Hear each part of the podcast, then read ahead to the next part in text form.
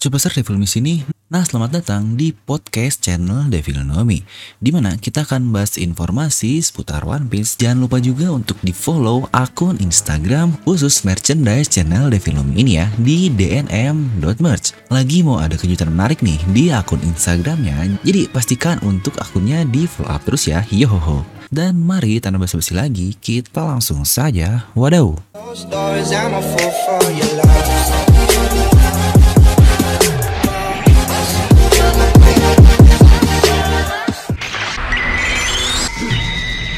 Oke kali ini kita akan bahas spoiler untuk chapter terbaru yang sudah ditunggu-tunggu seharian lah dari kemarin hari Selasa sampai tengah malam. Eh malah baru keluar tadi pagi banget untuk spoilernya. Jadi aja tim apa itu tidur harus bangun pagi. Aduh. Jadi untuk chapter 1030 ini akan berjudul Echoes the Impermanence of All Things atau jika kita artikan secara langsung adalah ketidakkekalan dari segala sesuatu yang menggema. Wah, puitis banget nih judul untuk chapter kali ini. Biasanya ada siapa ya kalau jadi puitis-puitis gini untuk judul chapternya?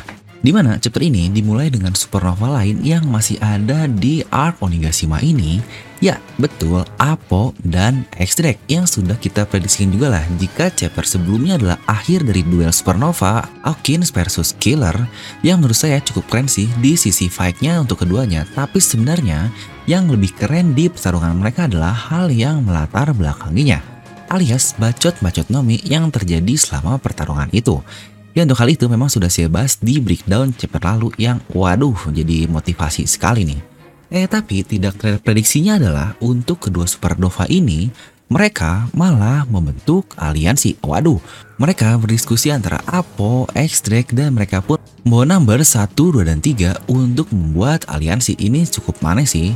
Tapi dari cara Oda nunjukin numbers ini sepertinya memang agar semua numbers ini akhirnya ditunjukkan di serial One Piece di mana sebelumnya dia sudah menunjukkan Hacha lalu juga yang lain-lainnya. Jadi sepertinya hanya nomor 1, 2, dan 3 ini saja yang belum Oda tunjukkan ke kita secara langsung. Dan sekali tunjukkan, eh malah langsung aliansi doang nih dan langsung sekaligus. Wah sayang kali ya. Oda bikin konsep numbers dari 1 sampai 10 kalau akhirnya nggak ditunjukin semuanya. Lalu mengenai aliansi Apo dan X-Drake ini sejujurnya sangat mencurigakan sih. Karena orang sebangsat Apo dan bakal nanti malah mengkhianati X-Drake lagi. Tuh bukankah Numbers pun sebenarnya berada di bawah perintah dari Apo ini kan? Jangan-jangan X-Drake tidak tahu kalau aliansi Apo sebelumnya itu cuma tipuan doang. Karena akhirnya Torawa pun dia tahunya dari Hawkins kan setelah dia kalah oleh Torawa ini. Yang katanya Hawkins ini lebih memilih rasionalitas jelas lah ya jika masalah safety, dia akhirnya memilih untuk bergabung di bawah Kaido yang di chapter lalu baru kita ketahui jika itu pun bisa dibilang terpaksa. Tapi untuk Apo ini, dia memang sudah dibawa Kaido sejak awal, tapi dia malah mau beraliansi dengan Hawkins dan Kid untuk menjebaknya. Yang sepertinya ini bisa saja terjadi ke kasus X-Drake ini. Tapi seharusnya X-Drake ini cukup pintar lah ya, masalah agen-agen kayak gini, toh dia juga seorang agen. Dan di sini lagi-lagi kita diperlihatkan keadaan si bangsat Orochi. Yang kita tahu lah sebelumnya jika dia ini masih selamat, tapi yang lebih mengejutkan adalah ternyata Kanjuro masih hidup. Ya lagi-lagi setelah kematian yang seharusnya sudah pas dengan kata-kata epic itu, Oda ternyata malah membiarkan karakter sialan satu ini hidup bersama dengan si bangsat Orochi. Di sini kenapa tidak dikatakan tentang Fukurokuju karena dia masih bertarung melawan Reizo lah seharusnya. Yang padahal banget nih, dia ini terkapar sebelumnya di sebelah Kinemon dan Kiku loh untuk Kanjuro. Hmm, kalau gitu kira-kira mungkin mereka juga seharusnya belum mati ya, Kiku dan Kinemon. Kalau untuk Kinemon saya memang masih cukup sangsi, tapi jika Kiku dan Kanjuro mereka sudah membuat speech yang sangat keren sekali sebelum kematiannya, tapi kalau dibuat masih hidup, waduh kayak sayang banget tuh speech yang sangat keren dari keduanya. Di sini Orochi meminta Kanjuro untuk menyudahi semua hal tentang Onigashima. Dan Kanjuro akhirnya menciptakan api iblis besar untuk membakar seluruh kastil. Dan itulah yang jadi judul kali ini ketika ada Kanjuro di situlah judul chapter akan menjadi lebih puitis.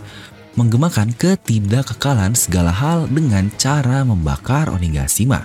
Karena bukankah gemanya ini lebih ke arah api yang akan menyebar ke seluruh Onigashima? Wah ini sungguh puitis sekali nih Oda Sensei. Dan berpindah ke pertarungan Torao dan Kid ini melawan Big Mom. Dikatakan di sini mereka sudah mengawakeningkan buah iblisnya. What? Lau bisa ngawakening buah iblisnya? Wah ini sih aneh banget. Tapi di sini diberitahukan mereka hanya bisa menggunakan kemampuannya itu sebagai cara terakhir mereka untuk melawan. Ya ini wajar lah seperti power up power up di akhir kayak gitu. Kalau Kid lebih wajar lagi, karena kita belum tahu nih peak powernya atau tingkatan tertinggi dari full power milik Kit ini. Karena kita tahu lah dari awal sampai akhir dia belum mengeluarkan kekuatan penuhnya. Tapi mungkin untuk off screen lawan Kaido ya wajar lah ya. Ini seorang Yonko pasti dia tetap kalah. Tapi yang aneh adalah kenapa Lau juga dikatakan mengawakeningkan buah iblisnya.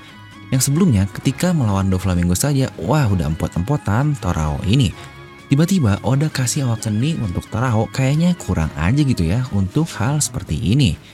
Di mana beberapa hal yang diberitahu dari spoiler kali ini adalah Lau dapat menyerang Big Mom dari dalam tubuhnya mungkin seperti roomnya lah akhirnya berhasil menembus haki kuat milik Big Mom ini. Karena sebelumnya dia pun pernah berkata jika dia tidak bisa memindahkan Big Mom atau Kaido karena haki keduanya sangat kuat sekali. Di sini dikatakan jika dia dapat merusak bagian dalam atau organ dari tubuh Big Mom ini. Nah, apa mungkin awak keningnya hanya terbatas seperti itu saja ya? Tapi untuk kasus Kit, dia bisa mengubah Big Mom menjadi magnet raksasa. Mungkin dari dalam tubuh Big Mom ini dijadikan magnet dan dikontrol oleh Kit. Ya mungkin seperti zat besinya atau apanya lah yang ada di dalam tubuh manusia. Ya lagi-lagi karena ini spoiler kita masih belum tahu lah bentukan awak kening keduanya seperti apa. Yang hmm dari spoiler ini apakah benar-benar nih belum ada pihak yang kalah lagi di chapter 1030 ini. Karena lagi-lagi Oda benar-benar memperlambat pace-nya seperti yang saya bilang di prediksi lalu. Jika awal komik memang biasanya Oda memperlambat seperti itu. Tapi ya kita tunggulah versi scanless-nya aja yang biasanya rilis di hari Kamis besok. Nah jadi itulah untuk spoiler kali ini kalian bisa langsung tuliskan pendapat kalian di kolom komentar di bawah. Serta satu yang terpenting dari yang terpenting adalah minggu depan tidak libur. Wah ini sih mantap banget nih. Kira-kira apa lagi ya yang akan terjadi minggu depan? Eh, tapi minggu ini juga belum beres sih untuk scan nationnya. Nah, jadi itulah untuk video kali ini. Buat kalian juga yang ingin menjadi membership channel Filmnomi, di mana di nama kalian akan mendapatkan badges yang unik-unik ini, dan kalian dapat menggunakan stiker yang lucu-lucu. Di mana saya suka ngadain premiere atau semi live lah untuk spoiler atau review dan biasanya banyak yang ngebacotin saya di live chatnya dengan stiker yang unik-unik ini. Nah, semoga kalian terhibur dengan video ini. Like aja kalian suka, dislike aja kalau nggak suka. Jangan lupa untuk subscribe dan juga share video teman kalian. Gue Devin pamit and I'll see you guys next time.